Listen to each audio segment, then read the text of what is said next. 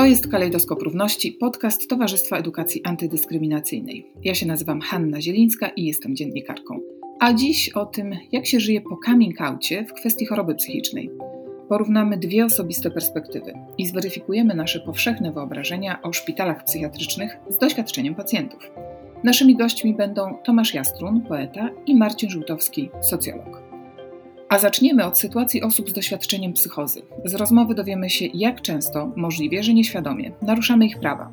Czy na przykład używany w różnych kontekstach przymiotnik schizofreniczny jest dyskryminujący? Zaraz wyjaśnimy.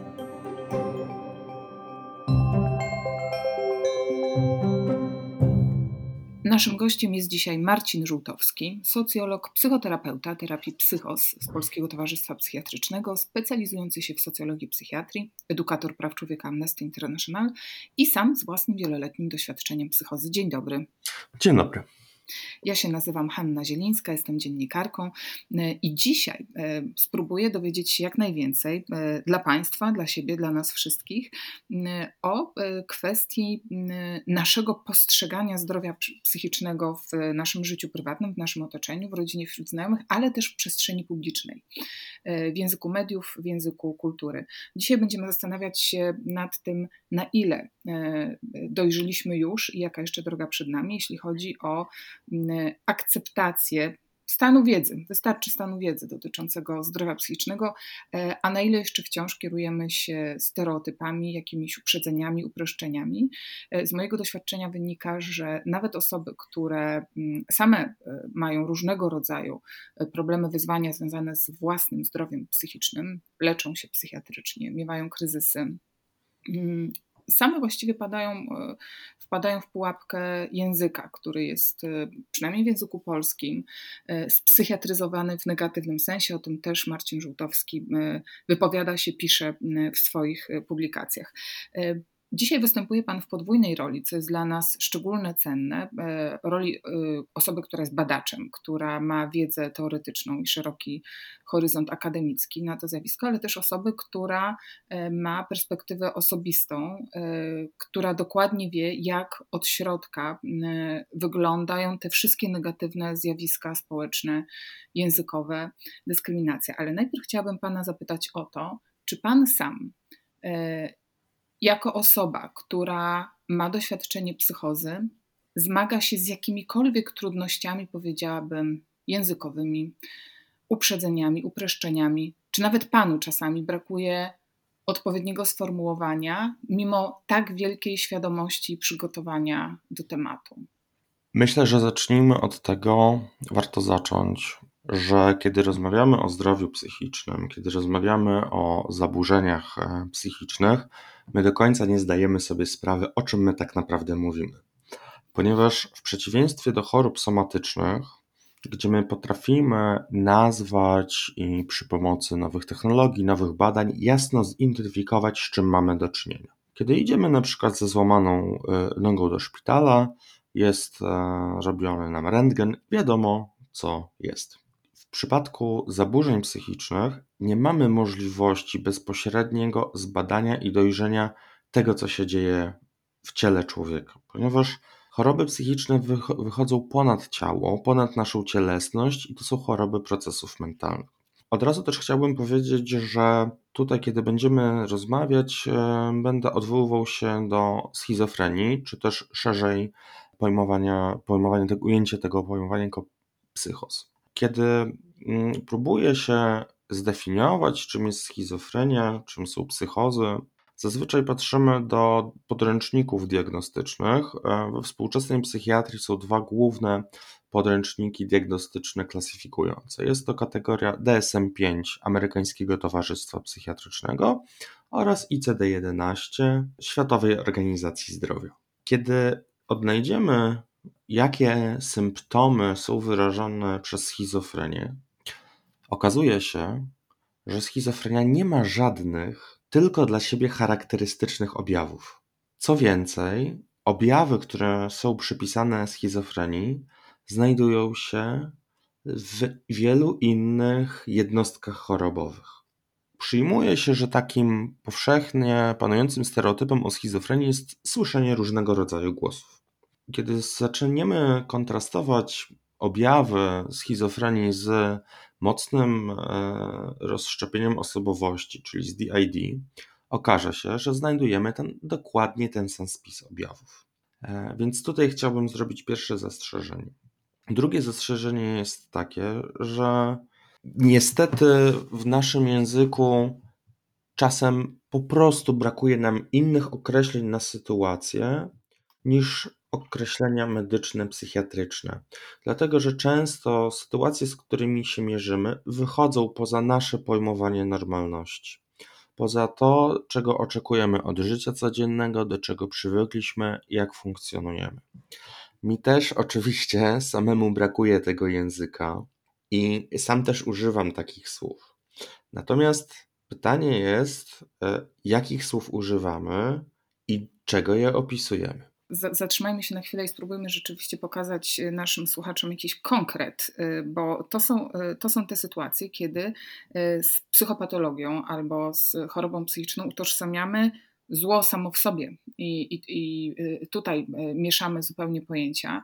Możemy sobie wszyscy przypomnieć jakąś sytuację, kiedy ktoś nas bardzo źle potraktował. Nie wiem, w urzędzie, nasz nauczyciel w szkole, nasi rówieśnicy, szef i mamy wrażenie, że to był taki naprawdę popis makiawelicznego zła. Nie używamy tego terminu makiawelizm, tylko wtedy właśnie stawiamy taką paradiagnozę parapsychiatryczną jako taką ostateczną instancję językową.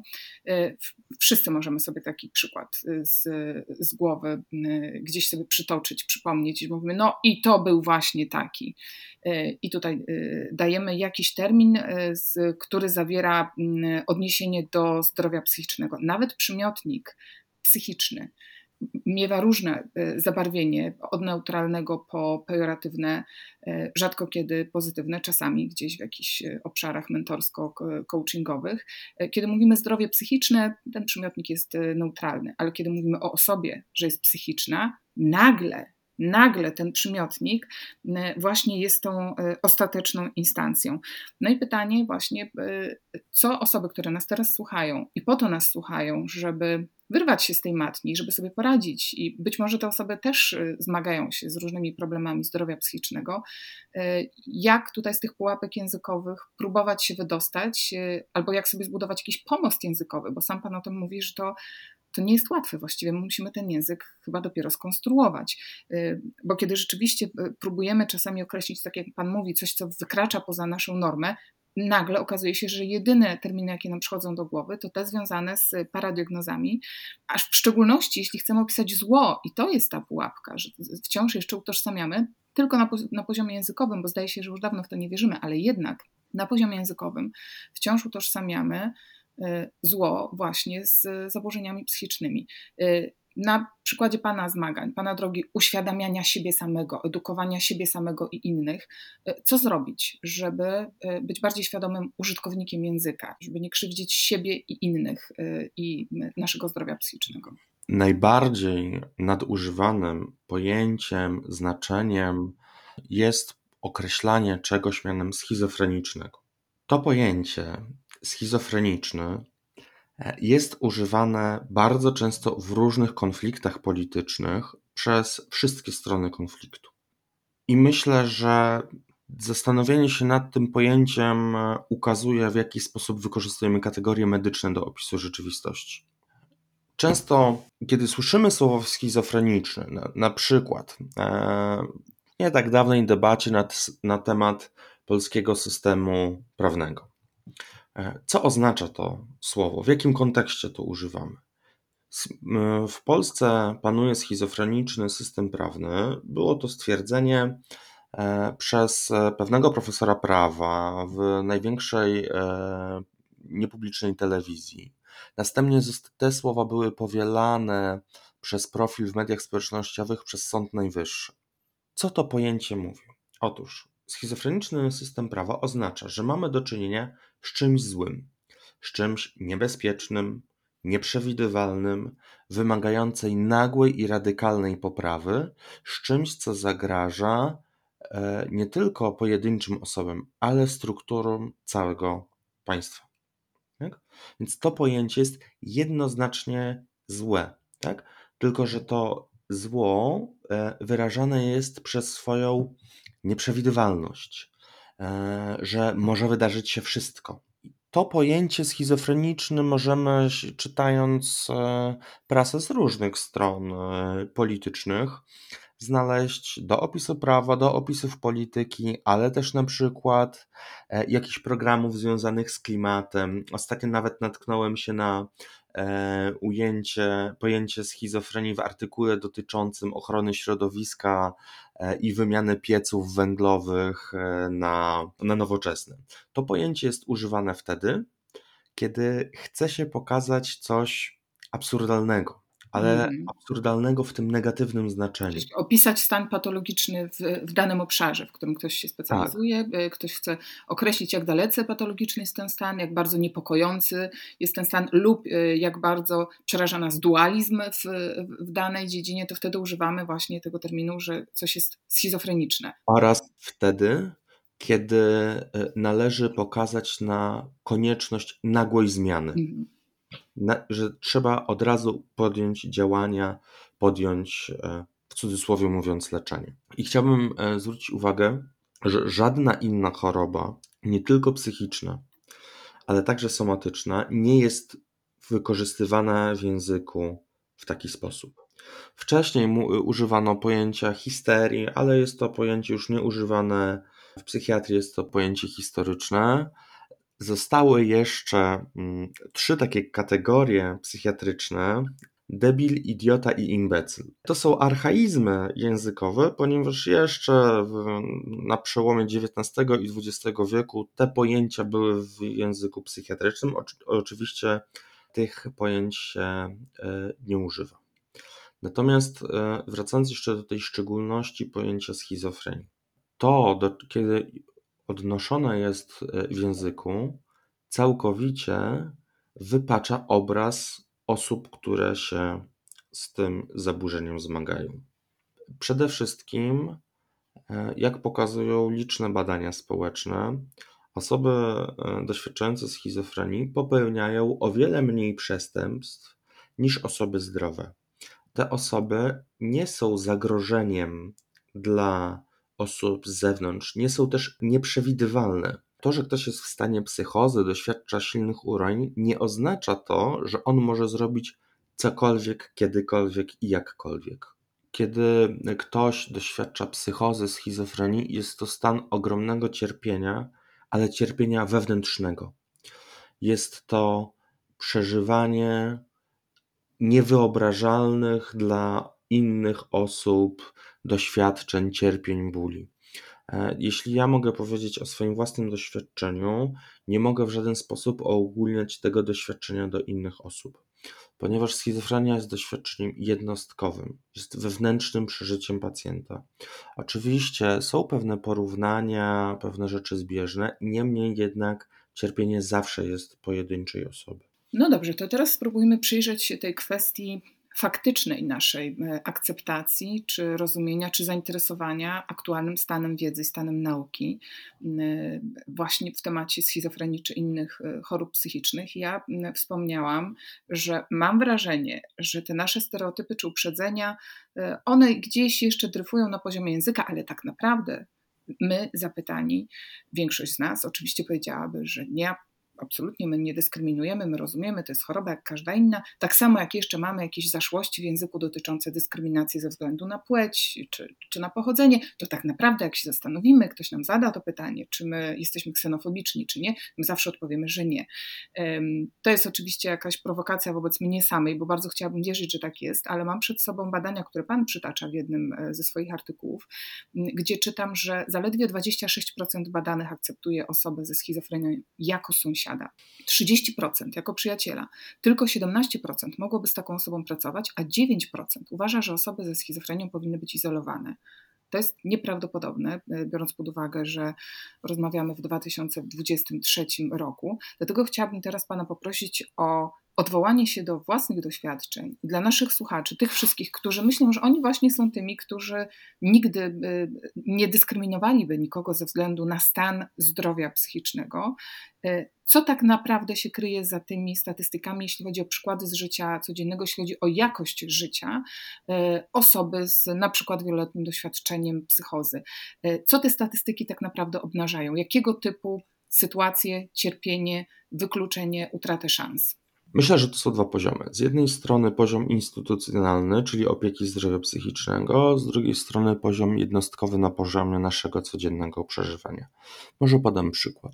Proszę wyobrazić sobie, że jakiś projektant największego supernowoczesnego mostu kolejowego w Polsce po już zbudowaniu tego mostu mówi, że e, w trakcie projektu musiał skonsultować się z psychiatrą, że był poddany leczeniu farmakologicznemu. I w tym momencie choroba staje się główną łatką, główną cechą określającego tego człowieka. Nikt już nie powierzy temu projektantowi, architektowi jakiegoś e, tak odpowiedzialnego projektu. Tak? Te statystyki mówią, że przyznanie się Opowiedzenie o swoim doświadczeniu jest to swego rodzaju samobójstwo społeczne. To pokazuje, że osoby z doświadczeniem psychozy żyją całkowicie poza społeczeństwem. Czy to oznacza, że taki coming out dotyczący zdrowia y, psychicznego jest jednoczesnym autowyrokiem, autoizolacją, skazaniem się na autoizolację? Tak. W większości przypadków tak. Jeżeli e, weźmiemy na przykład jakiegoś e, wybitnego naukowca, tak, publikującego przełomowe artykuły, książki, w momencie jego coming outu cały jego dorobek naukowy zostanie przypisywany jego e, zaburzeniom. Tak? Zaczną jego tezy być podważone jako zbyt szalone, może pod wpływem urojeń, może pod wpływem psychozy. Powoduje też to, że pacjenci psychiatryczni nawet nie tworzą społeczności. Kiedy myślimy, mówimy o osobach LGBT, o osobach o innym pochodzeniu etnicznym, mamy na myśli jakąś grupę osób. W przypadku wykluczenia pacjentów psychiatrycznych nawet nie mówimy o tej grupie, nawet nie ma wspólnoty interesów, wspólnoty przeżywania. A teraz zastanówmy się, czy jakieś placówki medyczne Regularnie są odwiedzane przez Europejski Mechanizm Przeciwko Stosowaniu Tortur e, i Rzecznika Praw Obywatelskich. No tak, i są to szpitale psychiatryczne. Szpitale psychiatryczne e, na stronie e, Rzecznika Praw Obywatelskich po wpisaniu hasła szpital psychiatryczny dostaniemy całą listę raportów. I moim zdaniem to właśnie odzwierciedla te dane i te statystyki. To znaczy, że jest społeczne przyzwolenie na przemoc, która panuje w szpitalach, na przemoc instytucjonalną, na to, że wiemy, bo w Polsce mówi się o kryzysie psychiatrii, tak?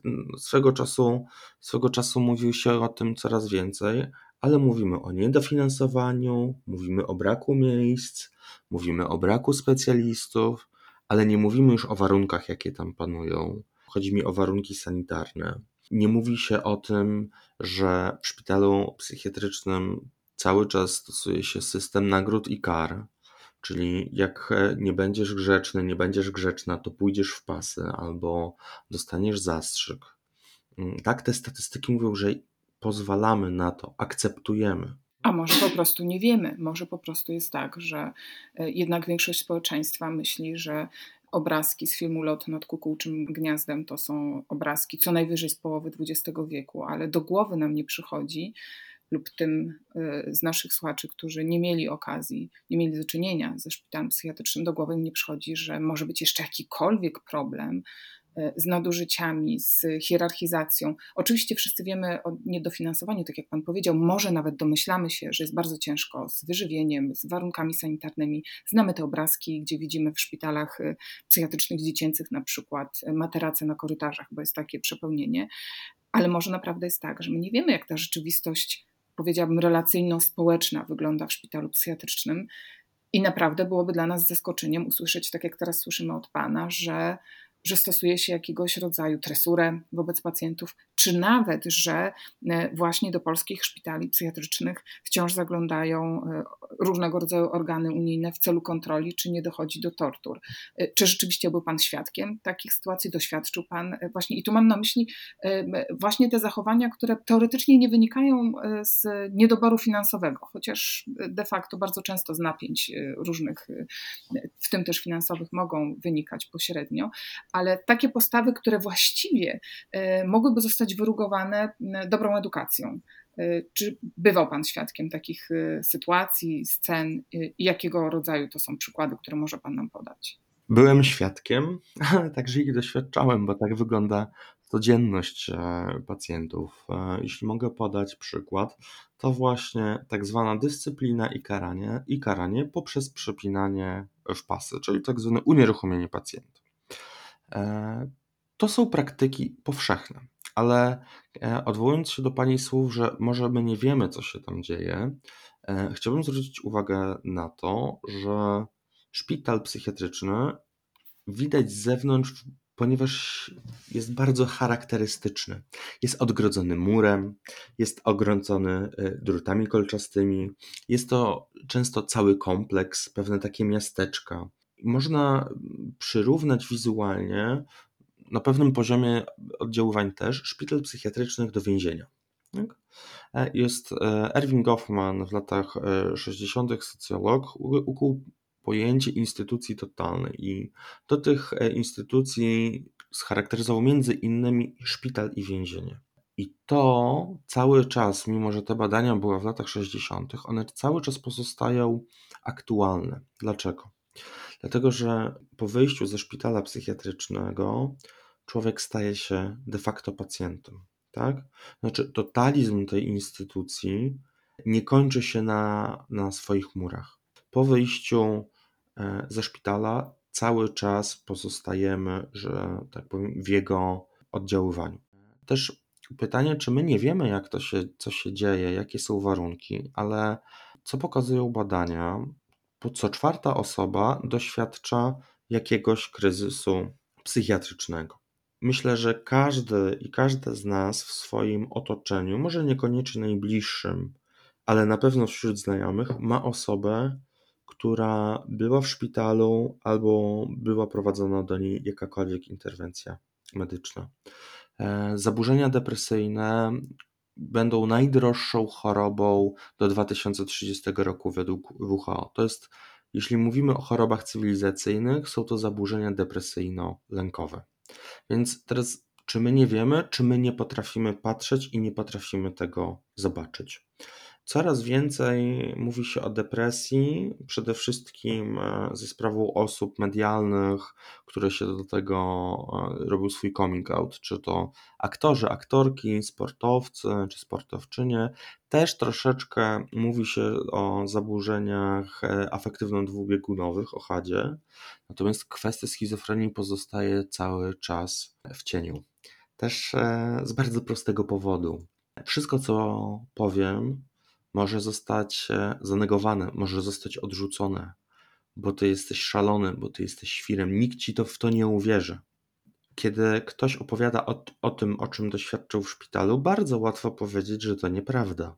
Kto uwierzy personelowi medycznemu, a kto uwierzy pacjentowi czy pacjentce? No też e, ten mechanizm, o którym Pan teraz mówi, podważania czyjejś wiarygodności, przez lata był wykorzystywany, wciąż jest wykorzystywany przez różnego rodzaju reżimy e, polityczne, e, żeby właśnie odebrać komuś sprawczość polityczną, jakiemuś dysydentowi na przykład, no to właśnie zaczyna się go traktować e, jako osobę, która nie wie o czym mówi, która jest szalona, która jest pacjentem psychiatrycznym lub zmusza się wręcz tą osobę do zbędnego, niepotrzebnego leczenia psychiatrycznego, właśnie nadużywając ten mechanizm, o którym Pan mówi, pozbawiania kogoś wiarygodności czy e, autorzecznictwa, mocy autorzeczniczej, właśnie dlatego, że, że ktoś mógł mieć w przyszłości różnego rodzaju epizody psychotyczne. To zatrzymajmy się na chwilę przy rozumieniu zdrowia, wychodzenia z choroby lub życia z chorobą lub historii zdrowienia, e, bo to jest też temat, który być może e, powinien zostać dogłębniej czy lepiej poznany, omówiony.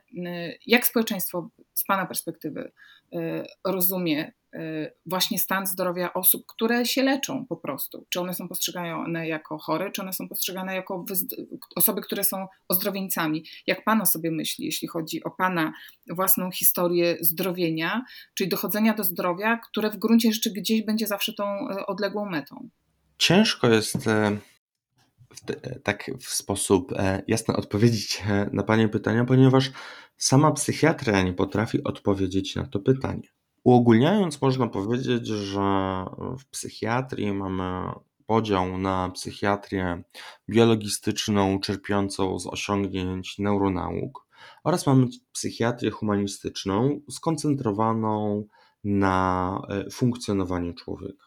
Ta psychiatria biologistyczna traktuje zdrowie jako brak objawów, że trzeba wyleczyć organ, w tym wypadku poprzez organ rozumie się zdrowie psychiczne. Jak pokazują badania, często jest to po prostu niemożliwe z dwóch powodów.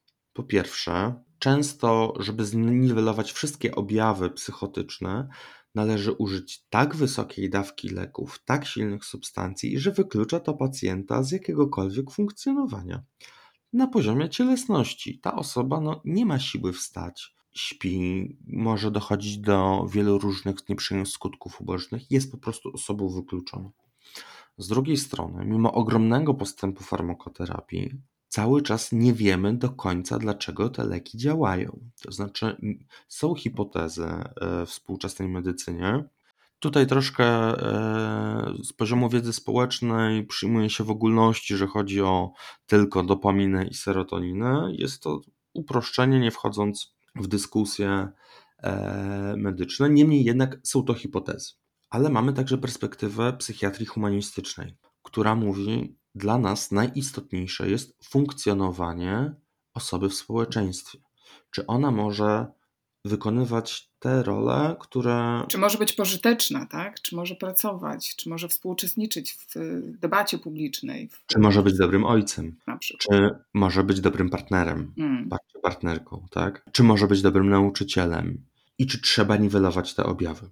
Jak pokazują badania, na około od 10 do 15% y, pacjentów doświadczających głosów leki nie są skuteczne. Po prostu. I pytanie, co zrobić? I psychiatria humanistyczna mówi: wsłuchajmy się w te głosy, co one mówią. Czy osoba może z nimi funkcjonować, może zaakceptować to, czego doświadcza i może się nauczyć z tym żyć. Co jeśli e, pacjent nie rozpoznaje swojego odbicia w lustrze, a zwiększenie leków nie działa? Może trzeba popracować nad tym, żeby on zaczął z tym funkcjonować. I myślę, że to jest odpowiedź na rozróżni, kto jest zdrowym, a kto jest chorym. Że zdrowie nie, nie powinno się definiować poprzez sam brak objawów, a przez to, jak funkcjonujemy i czy możemy pełnić e, nasze role społeczne bez żadnych utrudnień. E, moja droga zdrowienia była bardzo długa, była bardzo wieloletnia, ale też po prostu miałem szczęście, trafiając na odpowiednich ludzi, na odpowiednich e, przyjaciół, znajomych i mając e, wsparcie w rodzinie. Niestety takiego szczęścia nie ma większość pacjentów w Polsce, ale też jest jeszcze jeden fragment autostygmatyzacja. Osoby doświadczające albo nie wierzą, albo nawet nie wiedzą, że mogą być osobami zdrowymi. Śledzę różnego rodzaju grupy w mediach społecznościowych skupiających pacjentów i pacjentki, i pojawiają się tam dwa wątki. Pierwszy, czy ktoś ze mną teraz porozmawia o czymkolwiek. To pokazuje, jak głęboki jest poziom samotności. A drugi wątek jest, co zrobić, żeby dostać rentę, albo czy te dokumenty wystarczają, żeby utrzymać stopień niepełnosprawności. To pokazuje, że osoby doświadczające psychozy czują, że muszą zająć miejsce pacjenta że status osoby chorej powinien e, wpływać na całość oddziaływania jej życia i jej funkcjonowania, że nie ma dla niej miejsca. I to są to też statystyki, które pani przywołała. Korzystając z Pana insiderskiej wiedzy i właśnie tego wglądu w różnego rodzaju dyskusje między osobami, które mają różnego rodzaju diagnozy psychiatryczne, między pacjentami psychiatrycznymi, e, chciałabym wrócić do tego wątku, o którym Pan wspomniał, braku wspólnego przeżycia, e, braku pewnego rodzaju e, takiej wspólnej formacji, rozmowy, autorzecznictwa grupowego. Czy tutaj coś się dzieje? Czy zauważa Pan, wspomniał Pan o tym, że sam Pana proces zdrowienia trwał wiele lat, czyli przez wiele lat obserwuje Pan nie tylko siebie, ale też i inne osoby w kryzysach e, psychicznych i jako badacz z zewnątrz też e, obserwuje Pan ten proces. Czy tutaj coś się dzieje takiego, żeby, żebyśmy wreszcie usłyszeli więcej, e, nie tylko żeby te dyskusje zamykały się gdzieś tam na jakichś grupach facebookowych i kończyły się na tym, jak tu wycofać się z życia jeszcze bardziej, jak właśnie e, dostać rentę i nawet już nie próbować wrócić do tego społeczeństwa, które nas nie akceptuje, albo tylko w tych grupach szukamy osoby, która porozmawia z nami o czymkolwiek, bo nawet już nie próbujemy rozmawiać e, właśnie z ze światem zewnętrznym. E, czy widzi Pan jakieś wyżenie e, takie, czy jakieś takie ciśnienie, które wreszcie wydostanie się z tych zamkniętych grup, z tych e, zamkniętych forów dyskusyjnych i w ogóle czy tam pojawią się właśnie takie tematy, takie, taka potrzeba porozmawiania o tym, że to my też jesteśmy społeczeństwem i że my współtworzymy przecież to społeczeństwo w, w ogromnej mierze, nawet jeśli to jest 1-2%, zależy od danego zaburzenia, danej choroby, statystyki są takie, tak jak Pan powiedział, że generalnie rzecz biorąc, kryzysu psychicznego e, doświadcza lub zaraz będzie doświadczać e, co czwarta osoba. Czy widzi Pan w społeczności, nawet jeśli to jest nieformalna społeczność, osób, szczególnie właśnie z doświadczeniem psychozy czy, czy schizofrenii, które są dla nas wciąż enigmatyczne, jak Pan mówi, i wymagają może szczególnego zainteresowania. Czy widzi Pan jakiegoś rodzaju energię, która być może niebawem wybije na powierzchnię? Tak, trzeba e, jasno powiedzieć, że takie działania są podejmowane, między innymi Kongres Zdrowia Psychicznego oraz e, zaangażowanych e, osób i pacjentów, i pacjentek także w to środowisko.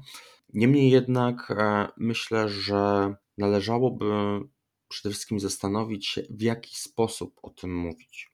To, co się teraz dzieje, mm, jeśli chodzi o emancypację osób z doświadczeniem e, psychiatrycznym skupia się na e, tożsamości. Tak? Próbuje się powielać pewne działania, mechanizmy społeczne, na przykład z, z, grupy osób LGBT czy z innych hmm, grup etnicznych.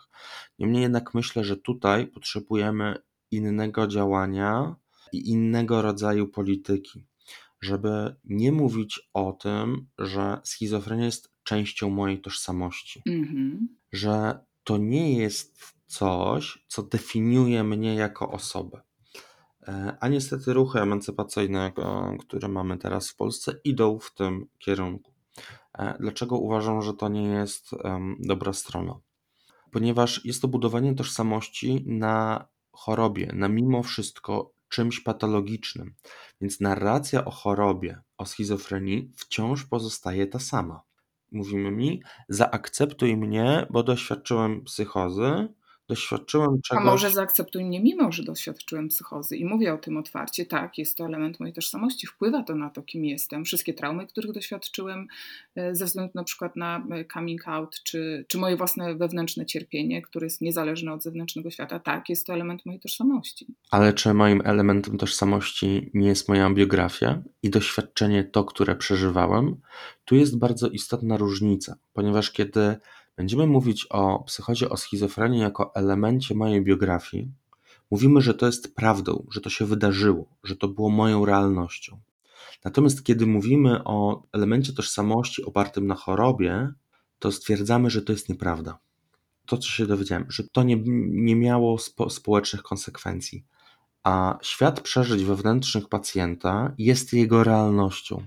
To jest jego świat, to jest jego rzeczywistość, to jest jego biografia nikt nie może wykluczyć i skancelować jego doświadczeń. To też pozwoliło mi zupełnie inaczej patrzeć na swoją przeszłość, na swoje doświadczenia, no i także na wyjście z tej kategorii pacjenta. Kiedy nie myśli się o swojej tożsamości zbudowanej na chorobie, tylko na tym, kim jestem ze względu na to, co przeżyłem. należy skupić się na alternatywnych narracjach dotyczących zdrowia psychicznego.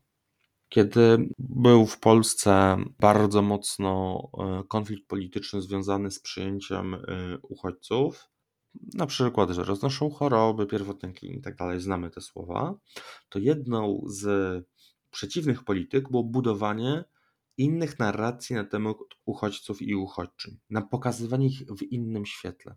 I tutaj mamy do czynienia z sytuacją analogiczną. Żeby nie odwoływać się do choroby, do stanu patologicznego, tylko do doświadczeń, przeżyć tej osoby. Akcentować to, co jest dobre i pozytywne, i to, co sprawia, że ta osoba jest wyjątkowa i silna w tym pozytywnym znaczeniu. To nam daje też y, garść wskazówek na temat tego, jak y, rozmawiać w naszym życiu osobistym, prywatnym, towarzyskim, zawodowym z osobami, które doświadczają kryzysu psychicznego, na co zwracać uwagę, co akcentować, y, jak być ostrożnym i nie wykluczać.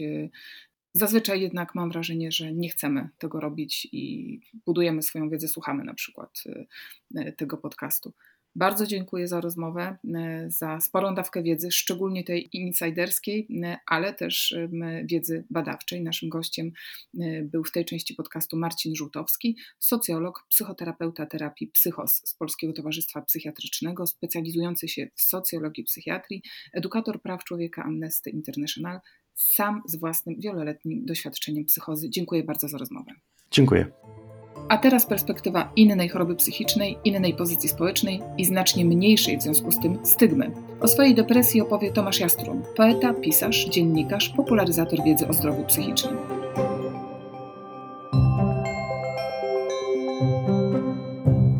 Dzisiaj e, to mam na myśli obecność w naszym podcaście, w podcaście Towarzystwa Edukacji Antydyskryminacyjnej.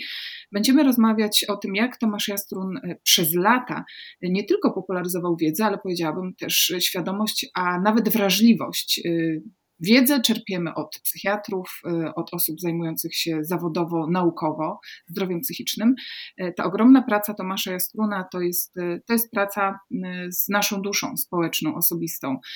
Ci z Państwa, którzy śledzą działalność, twórczość Tomasza Jastruna, wiedzą, że to jest głos, który co najmniej od kilkunastu lat obecny jest w naszej przestrzeni publicznej, ten głos dotyczący zdrowia psychicznego i depresji, i o tym dzisiaj będziemy rozmawiać. O tym właśnie, jak się zmieniała ta nasza wrażliwość na depresję i w jakim jesteśmy punkcie. I oto, od tego chciałabym zacząć. Czy e, kiedy przypomina Pan sobie siebie e, wiele lat temu, mówiącego e, po raz pierwszy, jestem chory na depresję, leczę się, jest ciężko, jest to choroba, zmagam się z tym, a przecież jestem wielkim artystą i twórcą, jestem mężczyzną i jestem postrzegany jako osoba, która powinna być silna, albo może silniejsza, albo najsilniejsza nawet w swojej rodzinie. Kiedy Pan zaczynał tę opowieść o sobie i kiedy teraz?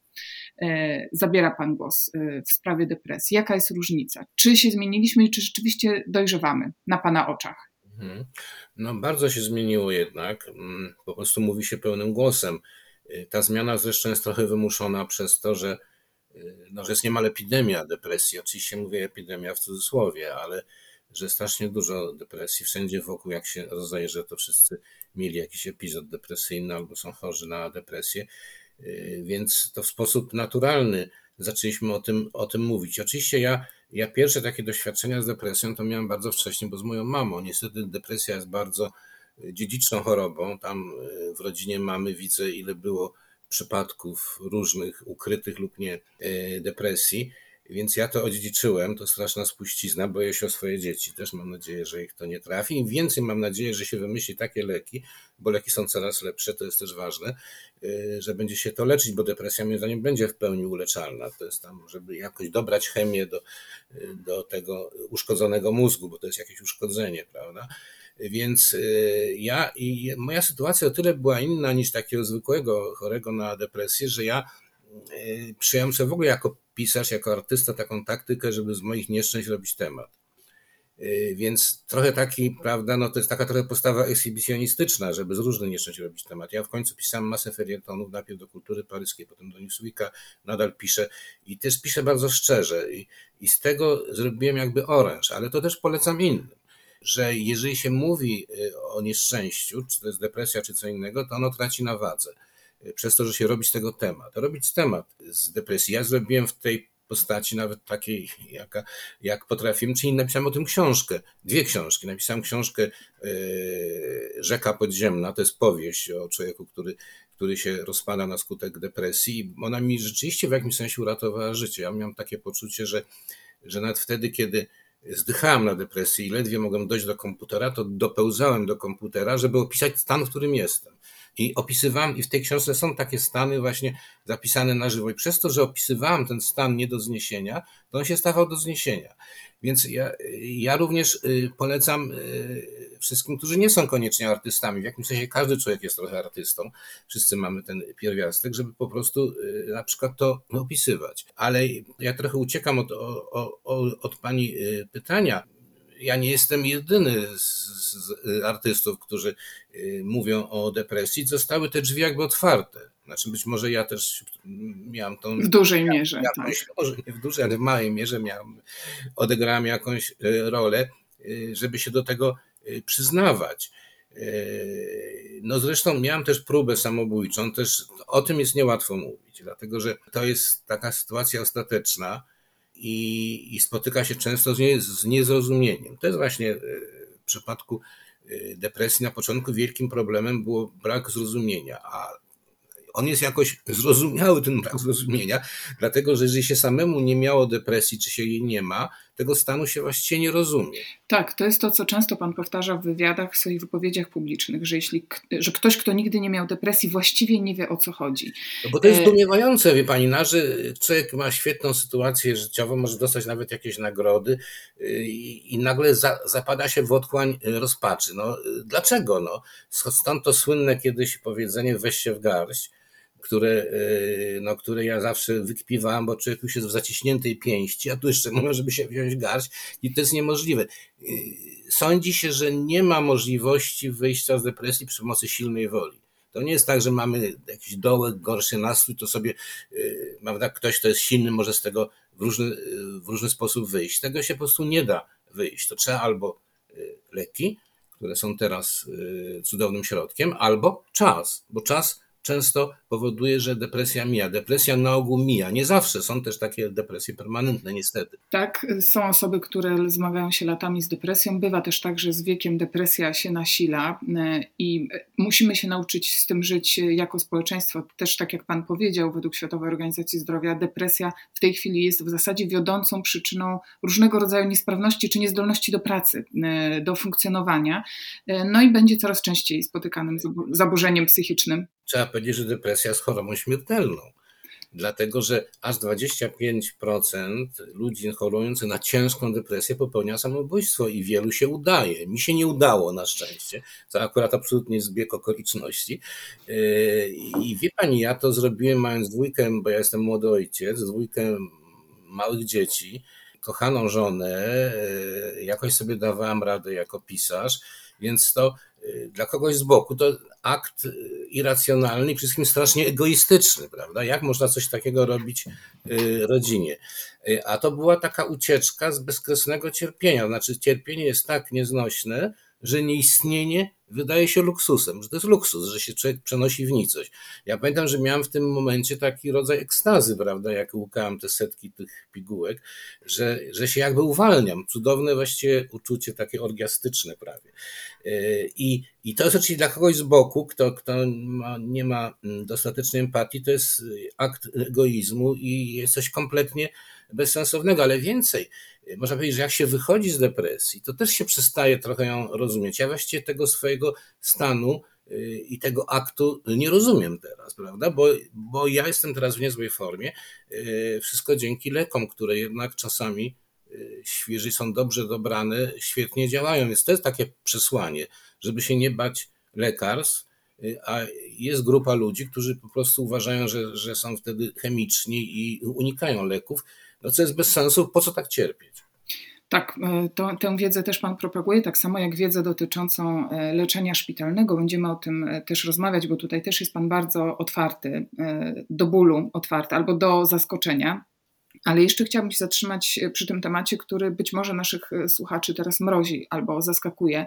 Z jaką otwartością opowiada Pan o swoim balansowaniu na granicy życia i śmierci. Ta, ta próba samobójcza, o której Pan mówi, miała miejsce zaraz po ukazaniu się książki Osobisty Przewodnik po depresji. Książki, która ukazała się jako wsparcie, jako właśnie taki przykład, jak można w sposób otwarty E, bezbronny, ale może właśnie e, jednak będący formą uzbrojenia opowiadać o depresji. I co było dla mnie wstrząsające, i pamiętam to wręcz jako fizyczne ciarki, przerażenia i podziwu, kiedy o tej książce opowiadając, mówił Pan, że właściwie to nie zdążył Pan opisać próby samobójczej w tej książce. Ona, ona się po prostu przydarzyła, ona wybuchła w Pana życiu po tej książce, a dla książki byłoby lepiej. I wtedy właśnie uświadomiłam sobie, jaką ogromną ma Pan siłę e, jaka to jest absolutnie wyjątkowa narracja w opowiadaniu nie tylko o tym, że ta próba samobójcza miała miejsce, e, ale też o tym, że że opowiadanie o niej jest potrzebne, że, że jest narzędziem i że w ten sposób właśnie przyczynia się Pan do rozwinięcia tej e, dyskusji.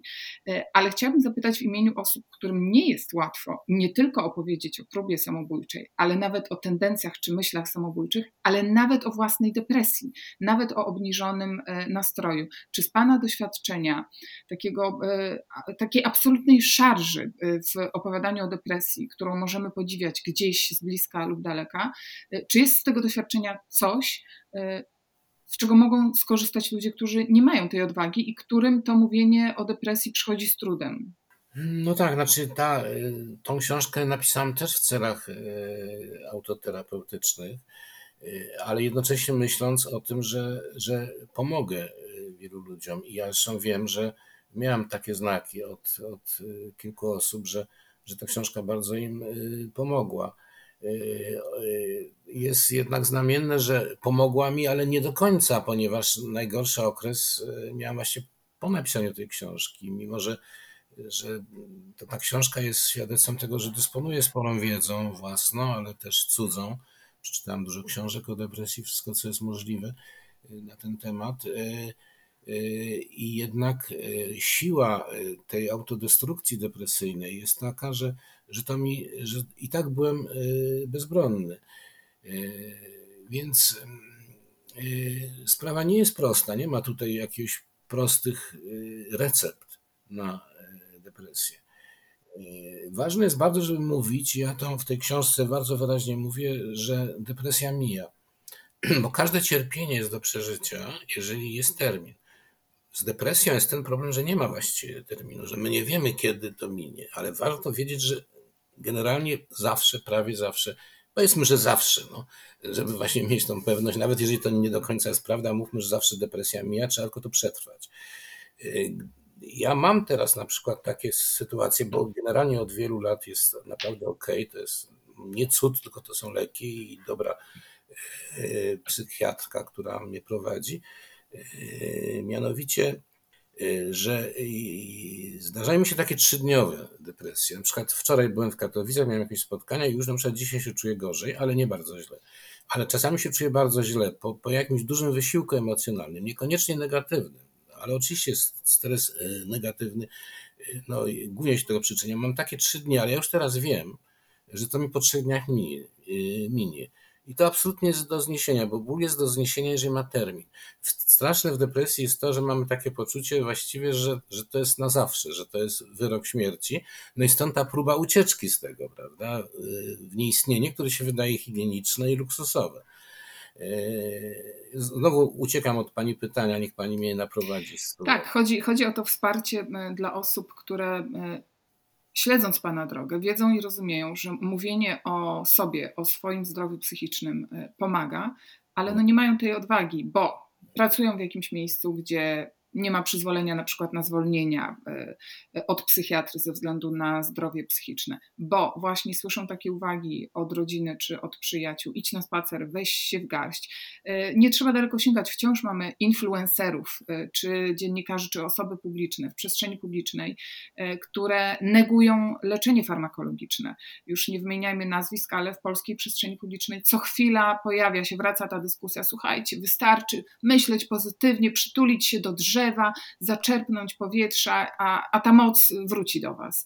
Ale, ale to się zmieniło, mi się wydaje bardzo. To rzeczywiście było przed laty. teraz ta powszechność depresji, to, że coraz więcej osób zaczyna o tym mówić, czując jakby, że mówiąc o tym, lepiej się, lepiej się czują, znaczy można powiedzieć, że no tak, można się lepiej czuć w depresji lub, lub gorzej. Oczywiście, kiedy ma się depresję, to brak akceptacji jest czymś w ogóle niewiarygodnie strasznym. Jeżeli się nie można do tego przyznać, jeżeli to cierpienie jest jakby e, chowane w sobie, to zresztą częściej się zdarza mężczyznom, wiadomo, dlatego że jest taki model e, prawdziwego mężczyzny, który radzi sobie e, ze wszystkim. Częściej mężczyźni mają taki Y, taki schemat, że sobie muszę poradzić w każdej sytuacji, dlatego też często nie pytają o drogę, bo uważam, że sami muszą trafić. Jest taka świetna książka Debory Tannen właśnie o tym, o różnym języku męskim i żeńskim. To się oczywiście zmienia, bo nasze płcie się zbliżają bardzo do, do siebie. Ale ciągle jest tak, że na przykład większość mężczyzn ma problem z zapytaniem o drogę. Ja jestem, jak widać, dosyć kobiecy albo otwarty, bo ja bardzo łatwo pytam, ale to jest ta różnica e, w takim e, podejściu, że muszę sobie poradzić. Natomiast depresja powoduje, że się jest zupełnie bezradnym, że właśnie ten miękki brzuch się e, pokazuje światu i, i że pewnych rzeczy po prostu nie można zrobić. Po prostu nie ma na to siły.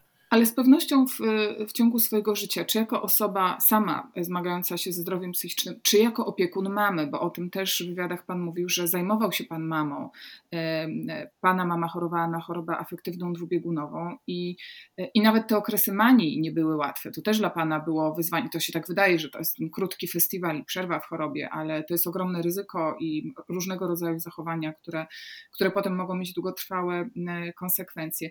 Czy sam Pan, pokazując swoje podbrzusze jako osoba dorosła, e, czy teraz, e, e, kiedy opowiada Pan o depresji, albo jako opiekun osoby chorującej, czy przypomina Pan sobie, że to podbrzusze zostało zranione i co wtedy zrobić, kiedy ktoś naprawdę nadużywa tej sytuacji i nadużywa tej otwartości, tego, że to, że to podbrzusze jest na wierzchu?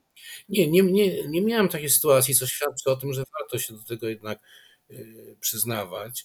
I tak jak mówiłem, no jest coraz więcej osób z tych znanych, prawda, osób właściwie bardzo wielu, no to nawet zaskakująco już o tym mówi, że to się otwiera te drzwi, potem przez te drzwi jest łatwo, przez otwarte drzwi jest łatwo wejść. Na początku yy, to było trudne, także ja myślę, że tutaj jest wielka zmiana, też tak jak mówiłem, wymuszona przez powszechność yy, depresji. Właściwie yy, nawet jest trochę tak, że że, e, że mamy nadmierną łatwość mówienia, że się ma depresję, kiedy się nie ma e, depresji. E, to kiedyś było to słowo melancholia takie łagodne, kiedyś nie było w ogóle pojęcia depresji, mówiło się, że ktoś ma melancholię i generalnie jak patrzymy w przeszłość, wydaje się, że prawie nie ma tam depresji, co jest nieprawdą, po prostu było to kamuflowane, ukrywane, panie miały melancholię i to nie była depresja.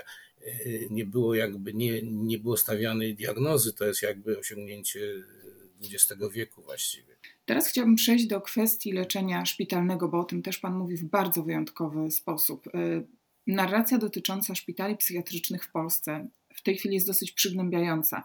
E, nigdy nie była łatwa do przyjęcia, ale no teraz mamy obrazy przepełnionych szpitali psychiatrycznych, w szczególności szpitali dla dzieci i dla młodzieży. Pan od lat opowiada, że e, jest Pan beneficjentem leczenia szpitalnego, że nie boi się Pan i korzysta Pan z elektrowstrząsów, że one Panu pomagają. Burzy Pan te wszystkie stereotypy, te, te sceny, które gdzieś nam zostały e, z, z przekazów popkultury, e, że szpital to jest właśnie takie więzienie i, i miejsce tortur. Pan opowiada, że no niezupełnie, może jest ciężko, może szpitale są niedofinansowane, ale to naprawdę pomaga i Pan z własnego doświadczenia w zasadzie można powiedzieć jak najbardziej poleca. Pani, ja byłem dwa razy w szpitalu psychiatrycznym, znaczy byłem często, odwiedzałem mamę i przed laty. Że choroba dwubiegunowa to jest trochę inna opowieść i to jest potworna siła tej manii też, która dla kogoś, kto się opiekuje, ta mania może być nawet trudniejsza do przejścia niż depresja, bo człowiek robi niesłychane w ogóle e, rzeczy. Ale ja byłem dwa razy w szpitalu, raz z musu, e, wbrew właściwie swojej woli, to bo jest tak taki przepis prawny, że po próbie depresyjnej. E, samobójczej? Samobójczej, przepraszam, samobójczej, e, się pudłuje po prostu delikwenta na dwa tygodnie, na wszelki wypadek i to ma jakiś sens. Znaczy ja się świetnie czułem, po, jak wyszedłem, z, z, jak mnie wypukali, można powiedzieć, z tych leków, to był taki wstrząs dla mojego organizmu, że właśnie wyszedłem wtedy z depresji. Ja nie wiem, czy to jest metoda wychodzenia z depresji, pukanie żołądka yy, i podłączanie do jakiejś aparatury, ale, ale rzeczywiście mi to minęło i ja absolutnie no, nie, nie chciałem w tej sytuacji, żeby mnie pakowano do, do szpitala. To zresztą był taki szpital, budynek XIX-wieczny w centrum Warszawy na Nowowiejskiej czy Nowogrodzkiej, zawsze mylę te nazwy tych ulic. I tam rzeczywiście warunki były dramatycznie trudne, bo to taki stary budynek, jeszcze pamiętający e, dawne czasy. E, no ale, ale e, też pomogło mi to, właśnie to jest a propos tego, jak sobie można radzić. Poradziłem sobie też dzięki temu, że miałem tam komputer, który był zagrożony czasami przez pacjentów, gdzie, gdzie po pierwsze wypisałem, bo ja pięć felietonów piszę w miesiącu. Pisałem te felietony, żeby nie stracić felietonu. Jednocześnie tutaj o tym, żeśmy nie mówili, ja piszę bloga na stronie zwierciadła. I ten blog bardzo mi mm, też pomagał, bo to felieton no to piszę przez, przez jakiś czas, przez tydzień, natomiast tutaj to ja właściwie mogłem na bieżąco opisywać ten szpital, co, co było, yy, co, co też działało terapeutycznie. No ale po dwóch tygodniach mnie wypuszczono, i, ale nie czułem się tak super wcale. Po jakimś czasie znowu się poczułem gorzej. Yy, I zaproponowałem mojej lekarce, pani profesor, która jest ordynatorem yy, oddziału psychiatrycznego w Pruszkowie, że słyszałem, że działają na to elektrowstrząsy, ale to jest też moja taktyka, że ja, ja używam wszelkich metod, nawet tych jak, jak walenie młotkiem w głowę, bo elektrowstrząsy to trochę jest taka operacja jak walenie yy, młotkiem w głowie. W głowę dokładnie nie wiadomo chyba nawet jak to działają te elektrowstrząsy, ale one wróciły do łask. Elektrowstrząsy mają fatalną opinię, głównie przez film Lot nad kukułczym gniazdem i tam inne takie opowieści, przez to rzeczywiście, że te zabiegi kiedyś robiono na żywo, Teraz e, to jest e, w narkozie, w ogóle się nic nie czuje. W Stanach Zjednoczonych robi się to ambulatoryjnie, czyli się przyjeżdża, jest ten elektrowstrząs i można wrócić do domu, no co jest idealne. No ale, ale oczywiście te szpitale, e, może to nie jest tak, że tam się dzieją straszne rzeczy na tych oddziałach, gdzie są ludzie głównie chorzy na de, depresję. To nie jest aż tak dolegliwe, jak się wydaje, dlatego Dlatego proszę się nie bać szpitali. No mówię to do tych, którzy mają z tym problem. Byłoby zupełnie inaczej, gdyby te szpitale wyglądały jak sanatoria, tak jak jest w Szwecji na przykład, czy w Norwegii. E, I wtedy ten pobyt to jest nawet taka ulga i jest, jest takie poczucie, że człowiek jest zaopiekowany, że się jest leczony i taki pobyt no, miałby zupełnie inny wymiar. To jest straszne, że psychiatra jest w takim stanie, że nie ma budynków. W przypadku psychiatrii dziecięcej to jest szczególnie dramatyczne, bo brakuje po prostu psychiatrów dziecięcych. W ogóle wie pani, to, że dzieci mają depresję, to jest, to jest z kolei coś nowego. Chociaż też być może jest to częściej łatwiej diagnozowane, ale, ale to, że depresja nie tylko już objęła e, swoimi ramionami niemal całą społeczność świata, e, ale, ale że zeszła do tego najmłodszego pokolenia. Masę dzieci, też młodych ludzi, nastolatków ma rzeczywiście bardzo poważny problem z depresją. Ja, y, jak kiedyś y, czasami mi się zdarza, że mam spotkania z młodzieżą, i nawet pytam ich o to. Oni też ma, oni, oni mają wielką łatwość mówienia o tym. I zawsze kilka osób w klasie mówi, że ma jakieś problemy z depresją, jedna czy dwie, że, że właściwie nawet na depresję chorują. I oni o tym mówią, nie, nie wstydzą się rówieśników. Także mi się wydaje, że to jest ogromna zmiana, że Polska jakby w tym względzie trochę doskoczyła do zachodu. Oczywiście jest inaczej pewnie w miasteczkach na wsi. Wiadomo, że ta Polska się dzieli na te dwa światy, prawda? Skonfliktowane zresztą teraz politycznie świat małych miasteczek, wsi, no i, i y, dużych miast, ale, y, ale tu, jest, tu jest zmiana, mi się wydaje, ogromna, warto to podkreślić, także no tak. Chciałabym skorzystać też z Pana doświadczenia twórczego, z Pana wrażliwości twórczej, ale też obecności w świecie artystów i twórców, którzy być może nie bez powodu e, częściej opowiadają o zdrowiu psychicznym, bo być może częściej to zdrowie psychiczne jest narażone. Może to jest jakiś koszt ich wrażliwości, ich talentu, e, ale też jest tak, że te ich opowieści, tak jak Pana opowieści, pomagają. Pomagają zrozumieć nam ten świat. Kiedyś pamiętam w jednym z wywiadów powoływał się Pan na przykład na historię Sylwii Plath, opowiadając o tym, jak nieprawdopodobnie niezrozumiała i okrutna jest ta choroba i jak ona znosi instynkt samozachowawczy. I instynkt macierzyński też, bo ona... I w, i w tym przypadku, i w tym przypadku również samobójstwo w domu, gdzie na parterze była, spała dwójka i małych dzieci, więc to się wydaje nieprawdopodobne zupełnie, a jednak tak jest.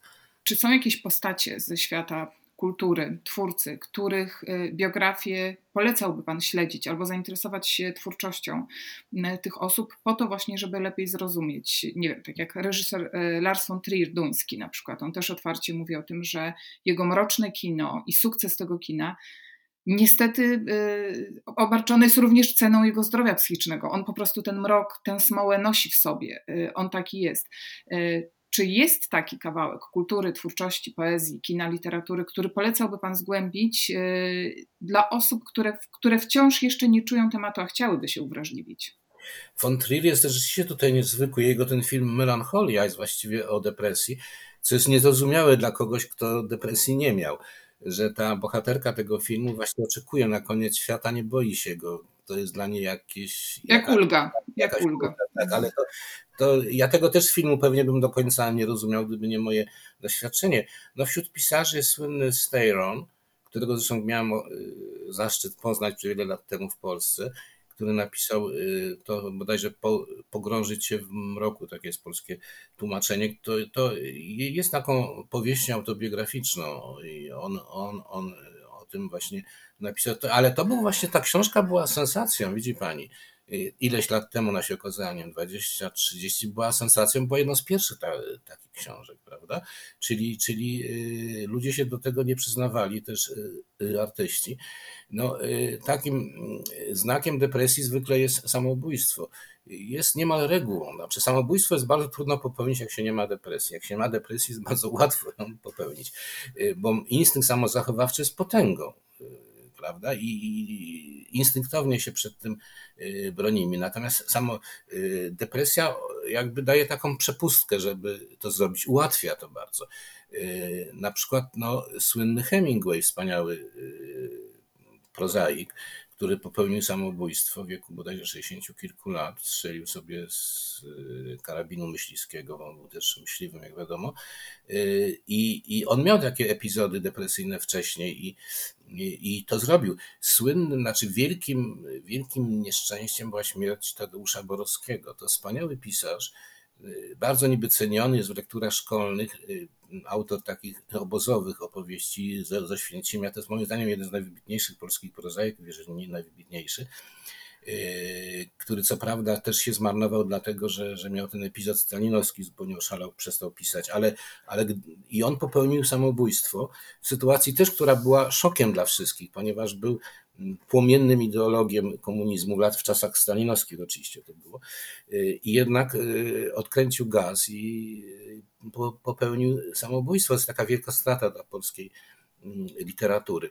Więc e, właściwie każde, prawie każde samobójstwo jest świadectwem depresji. To jest bardzo prawdopodobne. Na tych samobójstw w środowisku artystycznym też, też było sporo. No jest dziennik Sylwii Plath, gdzie ona też o tym prawda, pisze, ale nie tak mi się wydaje głębinowo jak. No jest ten szklany klosz, gdzie, gdzie te jej powieść, to jest poetka, ale napisała bardzo dobrą powieść Szklany klosz, gdzie, gdzie też to jest. Więc y, tego to się w literaturze przewija. Tak. Zresztą, wie pani, można powiedzieć, że, że pieśń Hioba, księga Hioba y, w Biblii, y, to jest pieśń, monolog y, chorego ciężko na depresję. Tam są wszystkie objawy depresji, jakie mogą być. Y, I, i, i to, to jest taka pierwsza właściwie niezwykła opowieść literacka o, o depresji. Bardzo ważne jest przy e, rozmowie o depresji i e, o zagrożeniu samobójstwem e, od razu podanie informacji, w jaki sposób można sobie pomóc. Podajemy numery telefonów dla dzieci i dla młodzieży 116 111 to jest telefon czynny całą dobę, 7 dni w tygodniu. Połączenia są anonimowe i bezpłatne.